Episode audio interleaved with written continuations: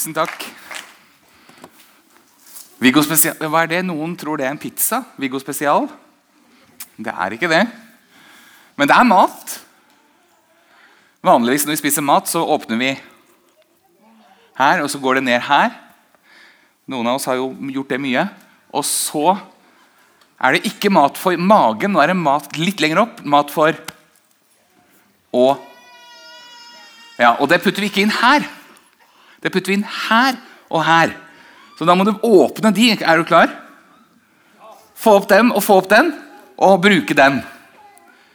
Du har ikke lagt inn den ute. Du har den med. For nå skal vi bruke den. Eh, det er, det er ganske vanlig at vi som går i kirka, vi tror på Bibelen. Og vi tror på Jesus og det som står i Bibelen om Jesus. F.eks. at Jesus gikk på At han gikk på vannet. ja. Men det går jo ikke an! Og vi tror på sånne sprø ting. At Jesus gjorde syke mennesker friske. At han tok fem brød og to fisker, og så gjorde han et eller annet, og så ble det nok mat til 10 000. Sånne ting tror vi på. Men innimellom så lurer vi på om vi er litt sprø. Innimellom så tenker vi Går det an? Det går jo ikke an. Og så kan det hende vi tviler innimellom. Vi lurer på om det vi tror på, egentlig er sant. Men så går det over, og så tror vi igjen. Ganske mange har det sånn. Og så er det også en gjeng som har det litt sånn. Vi kan ikke tro på dette, folkens! Altså, hallo, Vi lever i 2022! Og det er altså to, over 2000 år siden. Og det går jo ikke an at en mann kan gå på eller gjøre fem brød og to fisker nok til mat til 10 000. Det går ikke an! Det er et eventyr. Vitenskapen den vet vi om nå, og vi vet at sånt går ikke an. Så Det er en del som har det sånn. Og så er det noen som har det sånn Jeg trodde da jeg var barn, og da jeg var ungdom, da trodde jeg på alt sammen. Men når så ble jeg voksen, og da skjønner jeg jo det. At det her går jo ikke. Så det her tror jeg ikke på lenger. Eller jeg trodde på Gud da jeg var barn og ungdom, men så skjedde det noe fælt. Så skjedde det noe som gjorde det så vondt. Og så tenkte jeg Gud, hvis du fins, så kan det ikke det skje med meg. Og så tror jeg ikke lenger. Men mon tro om ikke jeg kan tro seinere. For jeg husker det var så godt å tro da jeg var barn. Og så mista jeg troen. Og nå lengter jeg litt etter den trygge troen. Så litt forskjellig måte har vi det på. Og jeg vet ikke om du kjente deg igjen i noe av dette, men det er litt forskjellig. Og du er ikke aleine, for vennene til Jesus de satt rundt Jesus, og så sto Jesus og så sa han, gutter, jeg er veien, jeg er sannheten, og jeg er livet. Og gutta sa bare ja, vi tror det. Vi tror at du er han kongen som skal komme fra himmelen til jorda og sparke romerne ut av landet. Var det det Jesus sa han var? Nei, men Det var det de trodde. For Før i tida så hadde de nemlig en fantastisk konge i Israel. Og han sparka Goliat, kjempen Goliat, og filisterne ut av landet. Og nå hadde romerne kommet. Og de tenkte vi, vi må ha en ny konge, en konge som David. Og han, han skal samle en hær, han skal gi oss sverd og skjold og hjelm. Og så skal vi sparke romerne ut av landet. Som i gamle dager. Gud skal komme med sin kraft og hive romerne ut, så vi blir fri igjen. Men så døde han. Han døde. Og da var det ingen som trodde på Jesus. Dagen etter at Jesus var død, var det ingen Jesus-etterfølgere.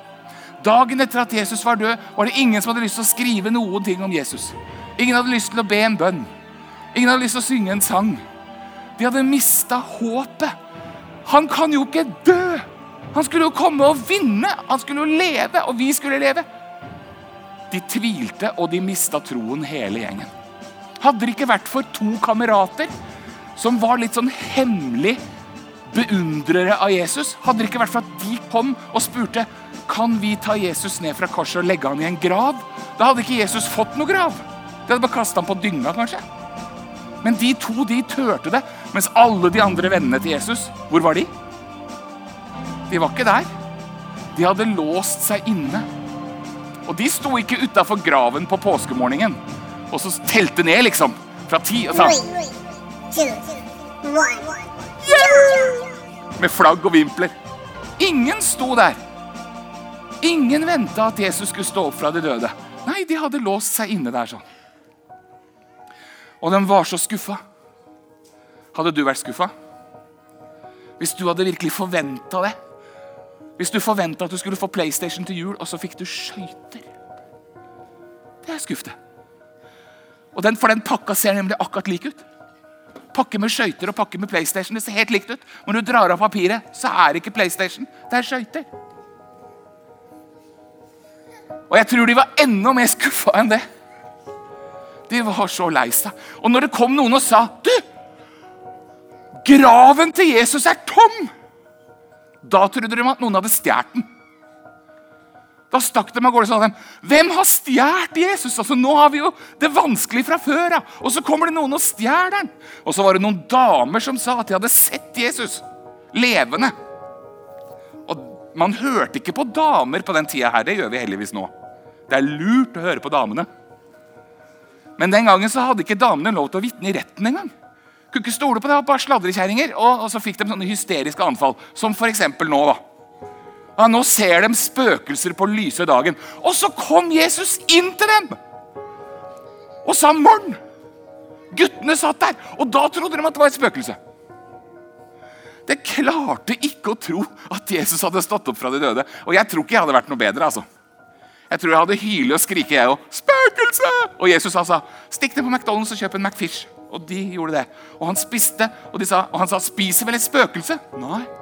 Ja, ta på meg, da! Kan du ta på spøkelser? Nei.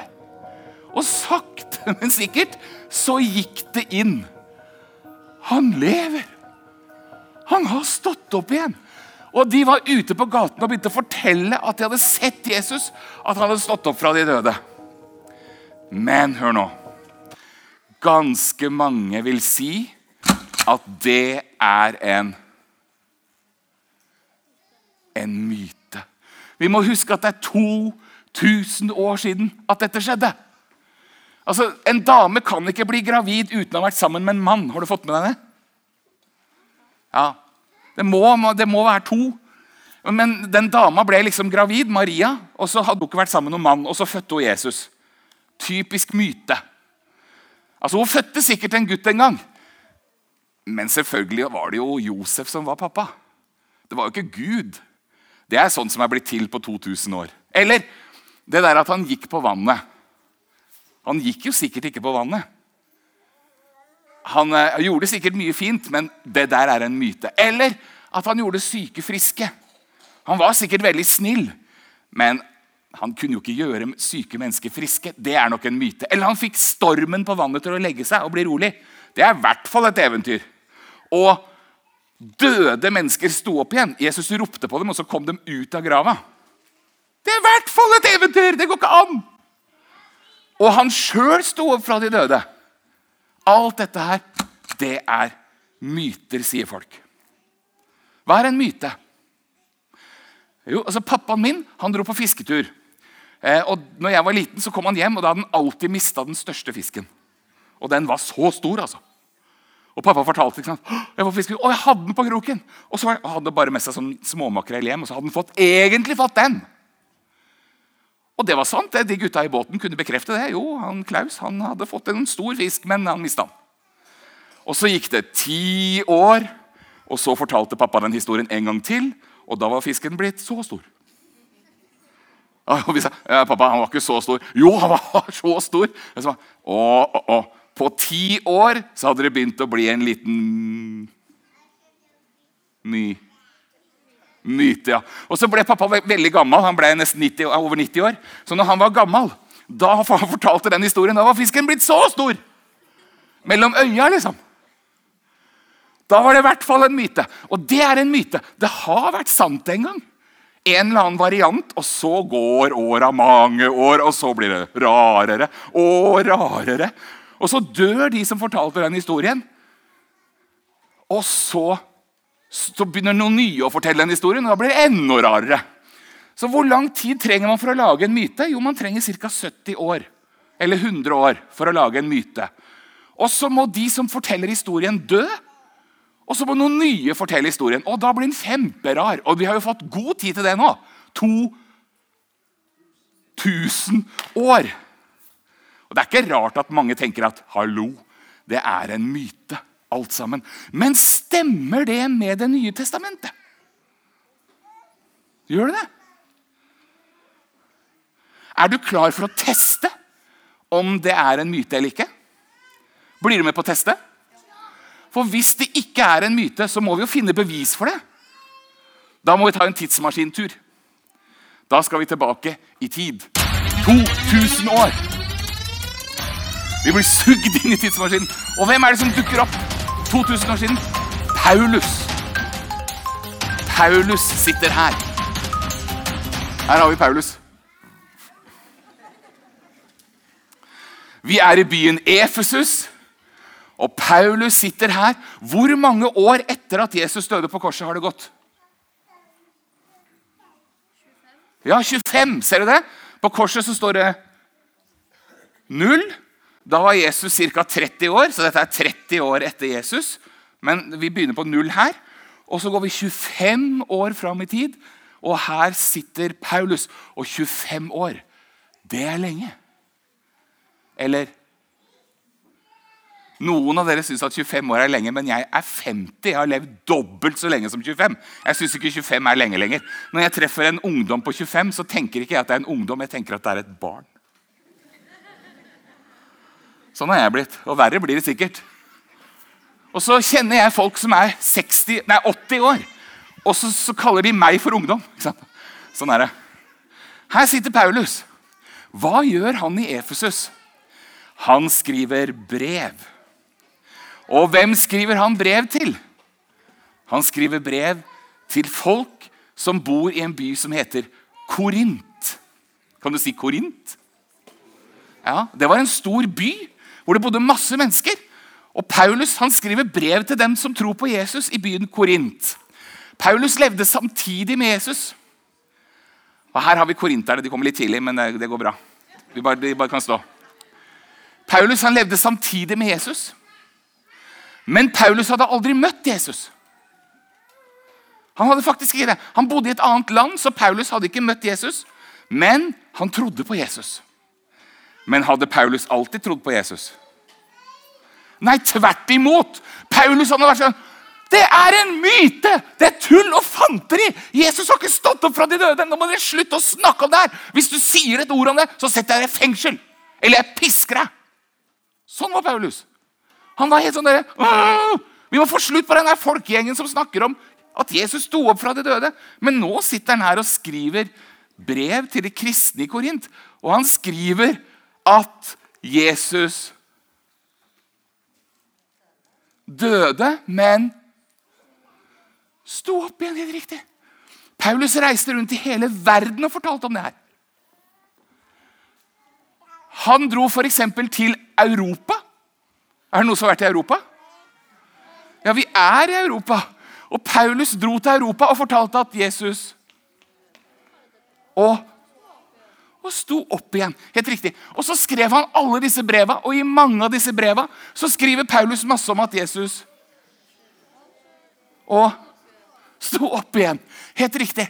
Her for eksempel, I Korinterbrevet så skriver han jeg har ikke sett det sjøl, men jeg har snakka med de som har sett det. Og så får jeg det videre til dere. At Jesus sto opp igjen, og at han viste seg for vennene sine. For de damene som fulgte han, for, for mennene som fulgte han. Og han viste seg for 500 stykker på én gang. Paulus var kjempeopptatt av at det er sa Det er sant! Han sa det fins bevis. Og så vet vi det at før Paulus skriver brevet til Korint, så var han i Korint. Nå skulle det komme, men det går bra. Her har vi korinterne. Paulus var i Korint, så han må hilse på dem. Og så fortalte han korinterne i år 21 etter korset at Jesus og Ja, det fortalte han det. Og så ble det en kirke i Korint. En menighet som hadde masse krangling og problemer og styr. Så Paulus måtte skrive brev til dem og si nå må dere slutte å krangle og følge med her. Det handler om Jesus, folkens. Og han hadde helt kapittel om at Jesus Og at han vant over døden. Helt kapittel om at Jesus vant over døden, og at han fremdeles lever. Men så vet vi det, at Paulus før det igjen var på Kypros. Så her er kyprioterne. Er det noen som har vært på Kypros? Ja, kanskje på badeferie. Det var ikke Paulus. Han var ikke på badeferie, han var på jobb. Han eh, må komme til Kypros. Han fortalte på Kypros at Jesus Og ja, og På Kypros var det mennesker som møtte Jesus og ble kjent med Jesus fordi Paulus fortalte om det. Og så vet vi at, og Dette var i år 14 etter at Ja. Og noen syns at 14 er mye òg, men det er i hvert fall ikke mye. Treffer du en fjortis, det er i hvert fall et barn, eller? Ok, vi får diskutere det hjemme. Men før det igjen så var altså Paulus ikke misjonær. Han var på vei til Damaskus, en by som heter Damaskus. Og der møtte på veien til Damaskus så møtte Paulus hvem? Jesus. Han møtte Jesus. Og Jesus han sa, 'Paulus, du må slutte å fengsle folk som snakker om meg.' 'Du må slutte å piske dem. De er mine, og jeg lever, altså.' 'Jeg har stått opp fra de døde.' 'Nå må du fortelle verden om meg, Paulus.' 'Reis heller rundt som misjonær og fortell at jeg' Og, ja, og Paulus han skjønte Jesus ikke bare døde. Han døde for mine synder. Paulus sa, 'Å, kan du tilgi meg? Jeg har gjort mange mennesker vondt. Jeg har vært forferdelig. Kan, kan jeg begynne på nytt?' Og da sa Jesus, 'Ja, det skal vi se litt på.' Sa han det? Nei, han sa, 'Paulus, jeg døde på korset for deg.' Sånn at du ikke skal ta den straffen som du har fortjent nå, men for at du skal gå fri. Og så kan du fortelle verden om at de også kan gå fri. For jeg døde ikke bare for deg, Paulus. Jeg døde for alle. Jeg døde ikke bare for jødene. Jeg døde for alle, til og med de som bor oppe på Nordpolen. Sånn som vi gjør. Døde Jesus for. Og Paulus han ble helt, han helt forandra. Og så, tre år etter at Paulus møtte Jesus, da dro Paulus til Jerusalem for å møte to stykker som hadde Og alt om at Jesus Og Stå opp igjen. Og det var Peter og Jakob.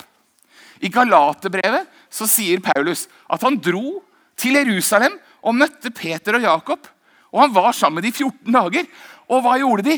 De fortalte og fortalte og fortalte. Vi var der, vi så det, vi hørte det, vi tok på den. Vi trodde ikke på det. Og så kom damene og fortalte det. Og vi alle trodde de var gale. Men så hadde han stått opp igjen, og vi møtte Den hellige ånd. Og bla, bla, bla, bla, bla. Og i 14 dager holdt de på. Og så tok de på en måte Paulus med helt tilbake til da det starta. For de hadde nemlig og, og det var bare ti år etter at Jesus døde på korset. At det skjedde. Og hvem var Jakob? Han var jo broren til Jesus. Og trodde Jakob at Jesus var noe mer enn en mann? Nei. Det skal litt til hvis broren din kommer hjem og sier du, forresten, jeg er Gud. Da skal det noe mer enn noen korttriks til, liksom, og så tror du på det. Men etter at Jesus hadde Da trodde Jakob. Han sa OK, OK. Josef, pappaen min, er ikke pappaen din. Gud er pappaen din. Og han ble leder for kirka i Jerusalem. Godeste Jakob. Fantastisk fyr. Går det an å putte en eneste liten myte innimellom her? Det er klin umulig. Ingen historikere kan si det. Alle historikere er enige om at Jesus har levd. Alle historikere er enige om at Paulus har levd. Og at Paulus reiste rundt i hele verden, er alle historikere enige om. Men det at Jesus sto opp fra de døde, det er et trosspørsmål. Men nå kan jeg hjelpe deg med den troen. For det går ikke an å lage en myte på 25 år. Og ingen av disse her døde i mellomtida. Alle levde og fortalte det videre. Så historien om at Jesus sto opp fra de døde, har vært sånn helt fra starten. Vi har bevis bare 25 år etter at det skjedde. Og Vi sitter med Korinterbrevet i dag og vet at det som står i Korinterbrevet i dag, er det som sto i Korinterbrevet den gangen Paulus skrev det. Vi må sende dem ut av tidsmaskinen igjen. Vi må få en applaus.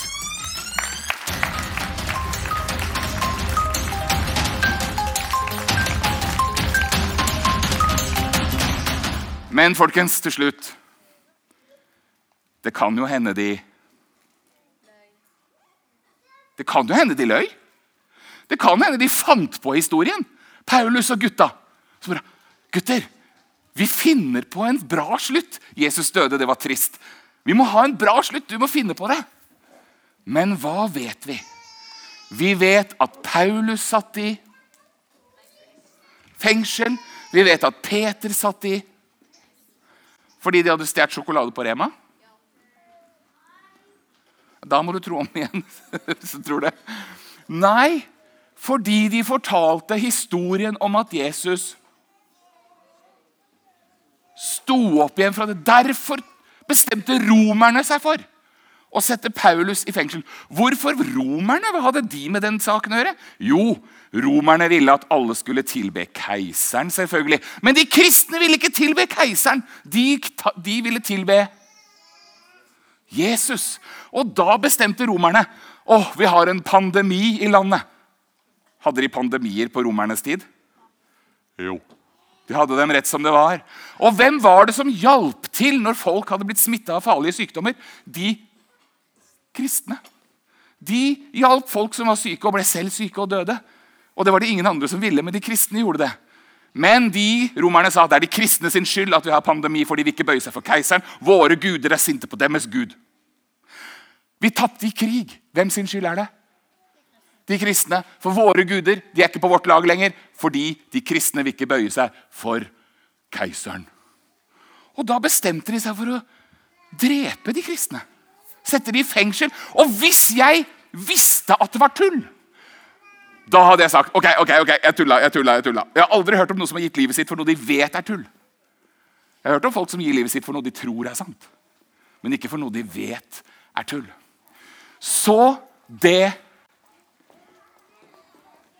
Det skjedde faktisk noe. Så nå ble det noe å skrive om. Dagen etter at Jesus døde, var det ingen som ville skrive noen ting. Men nå skrev dem og skrev dem og skrev dem. Og skrev dem. Og hadde de kopimaskin på den tida? Skal jeg vise deg hvordan kopimaskinen så ut? Den så sånn ut. Folk satt og leste og skrev av. Leste og skrev av, leste og skrev av. Og så kopierte de masse kopier. For de ville spre det utover i hele verden, og mange ville høre om det. Men romerne ville de at de her kopiene skulle komme rundt. Nei, så de lagde svære bål i byene og brant kopiene. Men noen turte å gjemme dem. De gravde dem ned i den fine ørkensanda. Og hvem fant dem? I 1960, i 1980, i 1990. Folk fant skriftene som folk hadde gjemt. Og vi har kopier som er så gamle som bare 300 år etter at det skjedde. Og vi har kopier som er så gamle som 600 år etter at det skjedde. Og vi har kopier som er så gamle som bare 200 år etter at det skjedde. Og så kan vi legge dem ved siden av hverandre og så kan vi se det står det samme her som her som her. Historien om at Jesus og er den mest dokumenterte historien i hele verden. Og det gjør meg så stolt. 400 år etterpå så bestemte keiseren seg for at nå kan dere få lov å være kristne. Da fikk de samla sammen alle de skriftene de var glad i, og så lagde de en, en bok. Og vi får lov til å ha den boka nå. Skjønner du en, hvilken skatt dette er? Dette er en skatt som har overlevd og overlevd og overlevd. Gud har tatt vare på ordet sitt. Og da lurer jeg på til slutt nå Hvilken historie er den første historien i denne boka? Da Gud skapte verden. Nei. Den første historien i denne boka er at Jesus Hadde vi ikke hatt den historien, hadde vi ikke hatt boka. Ingen ville skrive noen ting. Men det skjedde noe som gjorde at folk begynte å skrive. Og jeg tror nemlig da at ikke dette er en myte. Faktisk så tror ikke jeg på Jesus og på Gud fordi det står i en bok. Jeg tror på Jesus og Gud fordi det Det skjedde. Det er sant fordi det Det skjedde. Det skjedde i historien. Og hvorfor ville Johannes skrive? Hvorfor ville Paulus skrive? Hvorfor ville Jakob skrive? Jo, vi leser det til sammen. Én, to, tre. Jesus gjorde også mange andre tegn for øynene på disiplene. Tegn som det ikke er skrevet om i denne boken. Men disse er skrevet ned for at dere skal tro at Jesus er Messias, Guds sønn, og for at dere ved troen skal ha liv i hans navn. Og hva er det å tro? Jo, det er å sto Stole på at det er sant. Så når jeg møter en stol, så sier jeg ikke 'Å nei, en stol'. Nå må jeg stå og holde den oppe hele dagen. Og den har vært tung òg. Det blir slitsomt. Er det sånn? Nei, Når jeg møter en stol, så er det sånn 'Å, en stol! Nå kan den holde meg oppe hele dagen.' Det blir deilig. Det er tro. Jeg tror ikke, jeg får ikke til å tro. Jeg klarer ikke å tro. Og nå skal jeg klare å tro på dette her. Nei, det er motsatt. Å, dette har skjedd. Jeg kan bare stole på det. Det har ikke noe med meg å gjøre i det hele tatt. Jeg kan bare tro. Og alle de som tror, de får en gave. De får lov til å kalle seg for Guds barn. Ikke hvis du klarer å tro, men hvis du tror. Da kan du det. Så nå har dere noe å snakke om når dere kommer hjem. har dere ikke det? Det var tanken. Tro på hjemmebane er å snakke om tro. Det er lov å stille spørsmål, det er lov å tvile, det er lov å være skeptisk. Ja, Det er virkelig smart å stille spørsmål og tvile og være skeptisk. For da kan du kanskje finne ut hva som er sant.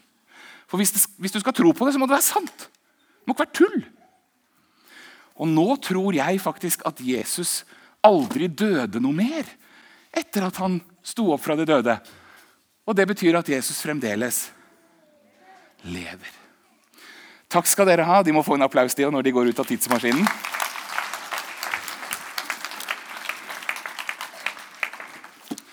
Da har dere vært vanvittig gode til å følge med. Er dere alltid så flinke?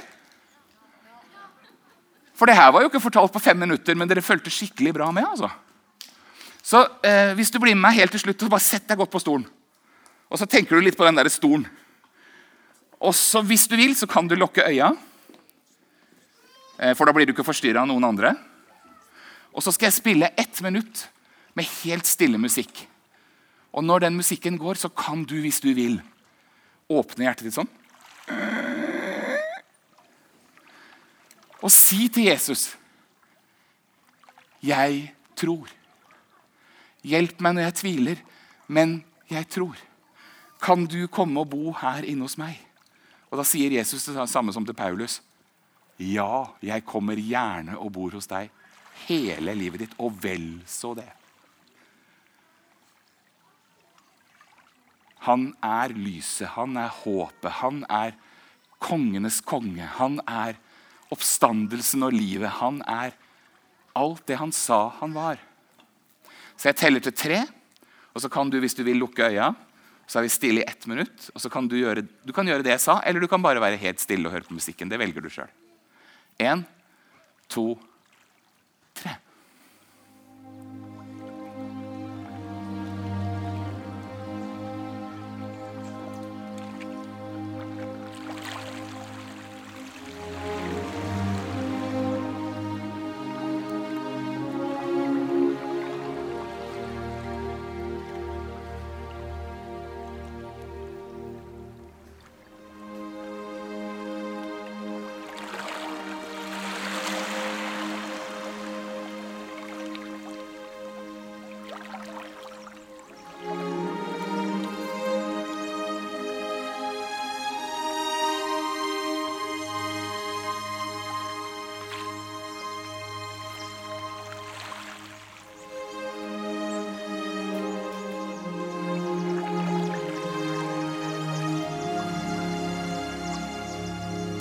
Med meg på en bønn. Jeg ber en setning, og så kan du be etter meg hvis du vil. Hvis ikke, så er du bare stille.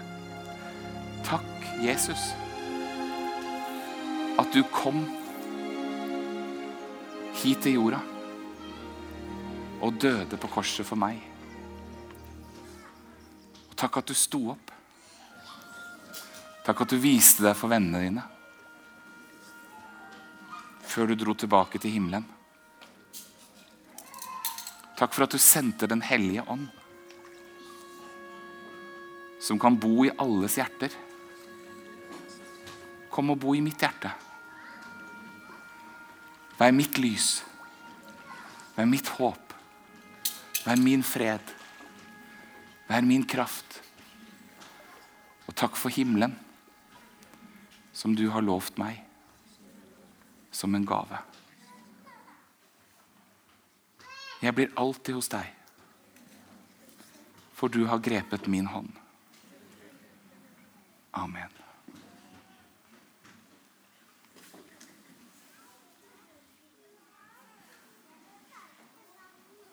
Ja. Så bra. Jeg vet at Mange har også hatt med seg noen barn hit som ikke er akkurat der på denne planeten som vi har vært i dag. Men det gjør ingenting.